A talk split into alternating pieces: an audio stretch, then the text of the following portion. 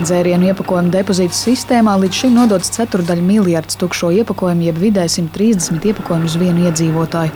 Tas savukārt kopumā ir 68% no tirgu laistā depozīta iepakojuma gada laikā, un tieši pēdējā ceturksnī atgriezt tiek jau 83% no iepakojumiem. Sijā depozīta iepakojuma operators valdes priekšsēdētājs Mikls Stūrītis norāda, ka šim gadam mērķis ir savākt jau 88% no tirgotā iepakojuma. Var pārliecinoši redzēt, ka alus lietotāji, alus produkti ir līderi atgriešanas ziņā. Ūdens nedaudz iepaliek, bet turpat vien ir. Savukārt, ja mēs skatāmies, ar ko iet visgrūtāk, ja tas ir bezalkoholiskais vīns, jo tas ir bezalkoholisks dzēriens un tādēļ arī ir iekļauts. Turklāt esmu pārliecināts arī, ka ne visi cilvēki pievērš uzmanību, ka uz šo bezalkoholiskā vīna pudelēm ir šī depozīta zīmīta un ka tie ir nodoti. Ja mēs skatāmies atgriešanu pa materiāliem, kalendārais gads 11 mēneši, ja, tad 65% ja, ir, ir krāsainais PET. Tāpat redzam, ka ļoti labi rādītāji ir atkārtot lietojamām pudelēm, ja, kur arī pārsvarā tiek pildīts alus. Līdz šim sistēmas ieviešanā vislielākā pretestība bijusi no tirgotājiem. Nelielāki veikali saskārās ar problēmu, kur šos depozīta aparātus izvietot,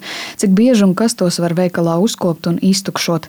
Valsts vidas dienas ģenerāldirektore Elita Baklāna Ansberga norāda, ka šobrīd kopumā veikali veiksmīgi tikuši galā ar izaicinājumiem, tomēr ir atsevišķi uzņēmēji, kas ignorē Latvijas likumdošanas prasības. Uz šo brīdi tie vēl joprojām ir 12 tirgotāji par 47 tirdzniecības vietām. Valsts vidas dienas sākotnēji konsultāciju principu piemēroja, sūtot vēstules, brīdinājumus pēc tam, un tad jau mēs esam arī 22 izpildu rīkojumus, tad attiecīgi dažiem tirgotājiem vairāk kārt tādu piespiedu naudu izdevuši un kopumā lēmumu pieņemt par 20 850 eiro tirgotājiem, kuri tātad vai nu sākotnēji neslēdz līgumus, vai bija noslēguši līgumus, bet nepieņēma iepakojumu, un tad operators lauž šos līgumus. Par depozītu apkalpošanu gada laikā tirgotājiem paredzēts samaksāt 10 miljonus eiro. Vienlaikus no ražotājiem par dalību depozītu sistēmā plānots iekasēt aptuveni 12 miljonus eiro.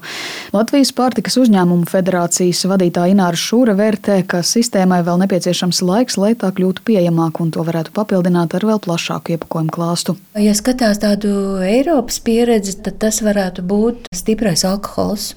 Bet, nu, tā kā tas ir Somijā, bet Somija nostrādāja vismaz desmit gadus gadus, un tad viņi sāka domāt par šo efektivizāciju. Mm. Jo mēs strādājam bez peļņas, mēs neplānojam peļņu, mēs visu novirzām, ja kaut kas paliek pāri, novirzām uz sistēmas efektivitāti, servisu. Visaktīvāk depozītu sistēmu izmantojuši iedzīvotāji vidzemē, un aptaujās secināts, ka kopumā ap 70% iedzīvotāju Latvijā lieto depozītu sistēmu vismaz reizi mēnesī, bet 11% to nelieto vispār. Sistēmā savāktās pēc pudeles pārstrādā pēc Baltija Jelgavā, stikls tiek pārstrādāts Lietuvā, bet alumīnijas Vācijā. Sinti Ambota, Latvijas radio.